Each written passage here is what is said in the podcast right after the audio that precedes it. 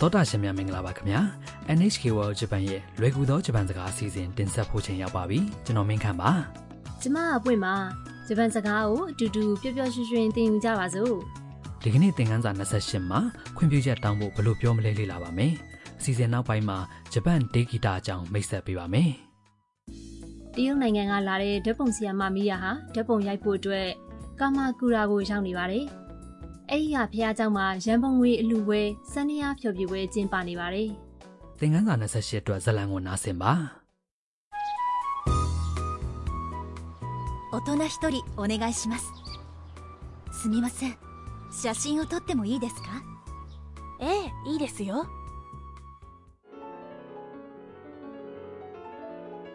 素敵お客様、ここから先はご遠慮ください。すみません ဝါကြတစ်ကြောင်းချင်းကိုကြည့်ပါမယ် လက်မှတ်အရောင်းကောင်တာကိုမီယာကပြောပါတယ်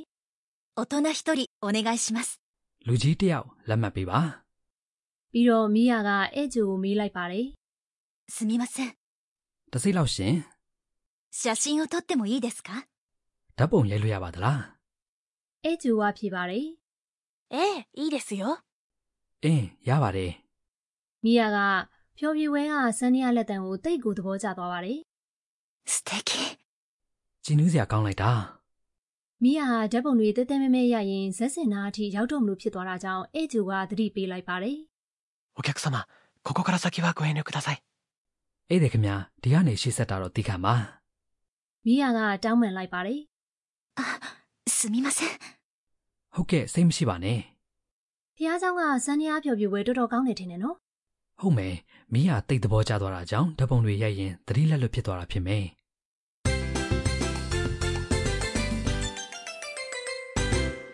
ဒီကနေ့အတွက်အဓိကအသုံးနှုန်းက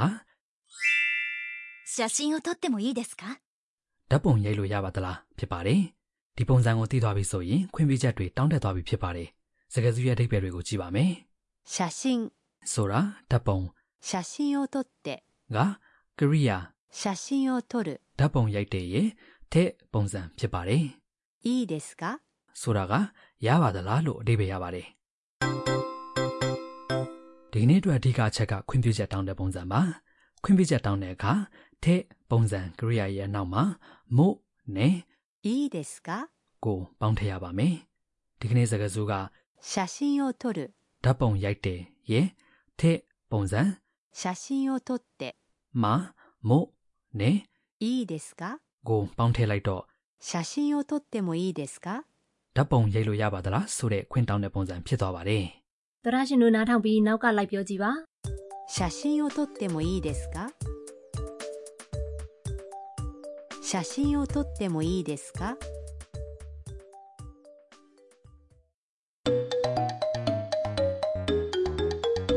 အခုတခါခွင့်တောင်းနေတဲ့ဥပမာစကားပြောတစ်ခုကိုနားထောင်ကြည့်ပါ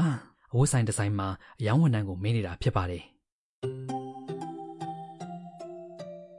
この服試着してもいいですかもちろんです အသေးစိတ်ကြည့်ကြရအောင် この服試着してもいいですか ။ဒီဝိဝေးကြည့်လို့ရပါသလား この服 ဆိုတာဒီအဝတ် 試着してもいいですか ကကရိယာ 試着する ဝတ်ကြည့်တယ်ရေတဲ့ပုံစံ 試着して မှာ もいいですか ကိုပေါင်းထားတာဖြစ်ပါတယ် もちろんです ။ရပါတယ်ရှင်။ကဲသရရှင်တို့နားထောင်ပြီးနောက်ကလိုက်ပြောကြည့်ပါ 試着してもいいですかこの服試着してもいいですかこの服試着してもいいですか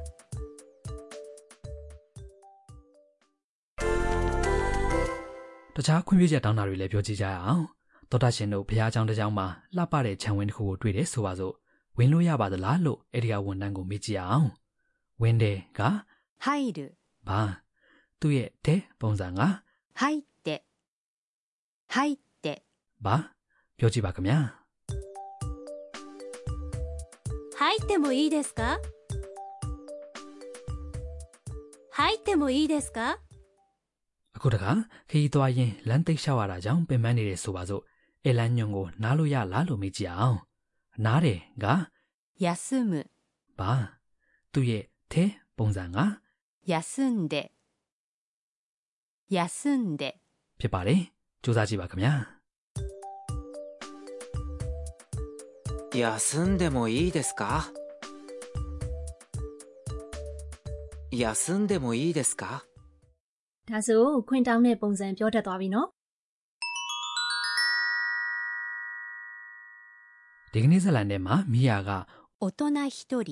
လူကြီးတစ်ယောက်လို့ပြောပြီးလက်မှတ်ဝေလိုက်ပါတယ်ဒီကနေ့အတွက်ဆက်ဆက်တိုးပွားစကားလုံးများကတော့လူကိုရေတွက်ပုံဖြစ်ပါတယ် တယောက်ကနေ10ယောက်ထိရေတွက်ပုံကိုပြောပြပါမယ်တေချာနာထောင်ပါတယောက် 一人、 နှစ်ယောက် 二人、 သုံးယောက် 三人、 လေးယောက် 四人、 ငါးယောက် 五人、 6ယောက် 六人、 9ယောက် 七人、 10ယောက် 八人、 9ယောက် 九人、 10ယောက် 十人、 တစ်ယောက်နဲ့နှစ်ယောက်ကတခြားရေတွက်ပုံနဲ့မတူပဲ 一人、二人、 လို့ပြောရပါတယ်။၃ယောက်ကစပြီးကိန်းကနန်းအရေးအတွက်ရဲ့နောက်မှာ 人、 ကိုထည့်ပေးရပါတယ်။၄ယောက်ကတော့ချွင်းချက်အနေနဲ့မှတ်ရပါမယ် 四、 ။မာနင်းကိုပေါင်းတဲ့အခါအင်းအတန်မထွက်တော့ပဲ 四人、 လို့ပြောရပါမယ်။ပြီးတော့9ယောက်ကိုပြောတဲ့အခါ 七、 မာနင်းပေါင်းပြီး 七人、 လို့ပြောလို့ရတယ်လို့ 七人、 လို့လည်းပြောလို့ရပါတယ် သောရရှင်တို့နားထောင်ပြီးနောက်ကလိုက်ပြောကြည့်ပါတယောက် 一人、 နှစ်ယောက် 二人、 သုံးယောက် 三人、 လေးယောက် 四人、 ငါးယောက် 五人、 6ယောက် 六人、 9ယောက် 七人、 10ယောက် 八人、 9ယောက် 九人、 10ယောက် 十人、 သောရရှင်တို့ပြောလို့ရကြရဲ့နော် ။ဒီကနေ့ရဲ့ဇာတ်လမ်းကိုနောက်တစ်ချိန်ပြန်နှာထောင်ကြရအောင်။မိယာကခွင့်တောင်းနေတဲ့အပိုင်းကိုသေချာနှာထောင်ပါ 大人一人お願いしますすみません写真を撮ってもいいですかええいいですよ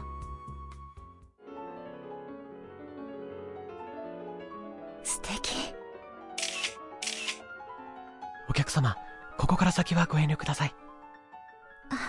すみません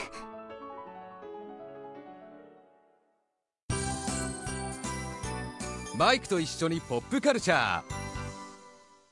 အခုတခါမိုက်နဲ့အတူပြောခေတ်ပေါ်ယဉ်ကျေးမှုကဏ္ဍပါသောရရှင်တို့ရေဒီဇလန်တွေထဲမှာမိုက်ကဂျပန်ခေတ်ပေါ်ယဉ်ကျေးမှုတွေကိုကြိုက်နှစ်သက်တဲ့အမေရိကန်ကလာတဲ့ဇာတ်ကောင်တစ်ယောက်ပါဒီနေ့တော့ဂျပန်တေဂီတာအကြောင်းကိုမိတ်ဆက်ပေးပါမယ်ဂျပန်ကတေဂီတာမှာပုံစံမျိုးမျိုးရှိရဲ့နော် ။ဟုတ်ပါတယ်။ J-pop ကာတွန်းရုပ်ရှင်သချင်းအင်ကသချင်းတွေစသဖြင့်ပုံစံအများကြီးရှိပါတယ်။ရာစုနှစ်တွေနဲ့ချီပြီးတတ်တန်းရှိပြီဖြစ်တဲ့ခိုတိုဆောင်၊တုံးကျိုတတ်တူရီယာရှာမေးဆန်ဝါဒိုက်ကိုပုံစတဲ့ဒူရီယာတွေသုံးတဲ့ရိုးရာဂီတပုံစံတွေလည်းရှိပါသေးတယ်။ J-pop တစ်မျိုးတည်းမှာကိုပဲ idol အဖွဲ့၊ rock ဂီတအဖွဲ့စသဖြင့်ပုံစံအမျိုးမျိုးနဲ့ဂီတသမားတွေလှုပ်ရှားနေကြပါတယ်။ တိုကျိုလိုမျိုးကြီးတွေမှာဆိုရင်နေ့တိုင်းလိုလိုစတိတ်ရှိုးတွေဂီတဖျော်ဖြေပွဲတွေရှိတတ်တယ်နော် ဟုတ်ပါတယ်။နိုင်ငံအနှံ့မှာဂီတပွဲတော်တွေတစ်နှစ်ပတ်လုံးလို့လို့ရှိပါတယ် ဂီတပွဲတော်ဆိုတာက ။ပြည်တွင်းရောပြည်ပကပါဂီတပညာရှင်အများကြီးပါဝင်တဲ့အကြီးစားဖျော်ဖြေပွဲတွေဖြစ်ပါတယ်။အထူးသဖြင့်နွေရာသီဆိုရင်လေယာပြင်ကွင်းပြင်တွေမှာအဲဒီလိုကြီးမားတဲ့ဂီတဖျော်ဖြေပွဲတွေကျင်းပကြတာပါ။တောင်ပေါ်နဲ့ကျယ်ဝန်းတဲ့ပန်းခြံတွေထဲမှာစောက်ထားတဲ့ယာယီစင်မြင့်တွေမှာတစ်ဖွဲ့ပြီးတစ်ဖွဲ့ဖျော်ဖြေကြပါတယ်။တချို့ပွဲတွေဆိုညလုံးပေါက်ကျင်းပကြပါတယ်။ baseball ကွင်းတွေအားကစားရုံကြီးတွေမှာလည်းဂီတပွဲတွေပြုလုပ်ကြပါတယ်။ ပျော်စရာကောင်းပါပဲ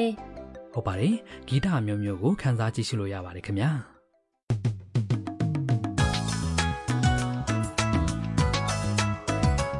တော်တာရှင်တို့ဒီကနေ့ရဲ့လွယ်ကူသောဂျပန်စကားအစီအစဉ်ကိုနှစ်သက်ကြမယ်ထင်ပါတယ်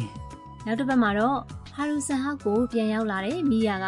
ဖះเจ้าကဂီတဖျော်ဖြေပွဲအကြောင်းကိုပြောပြပါမယ်နောက်ထပ်အန်အောစရာအကြောင်းအရာတစ်ခုလည်းသိရမှာပါနောက်တစ်ပတ်မှာပြန်ဆုံတွေ့ကြမယ်နော်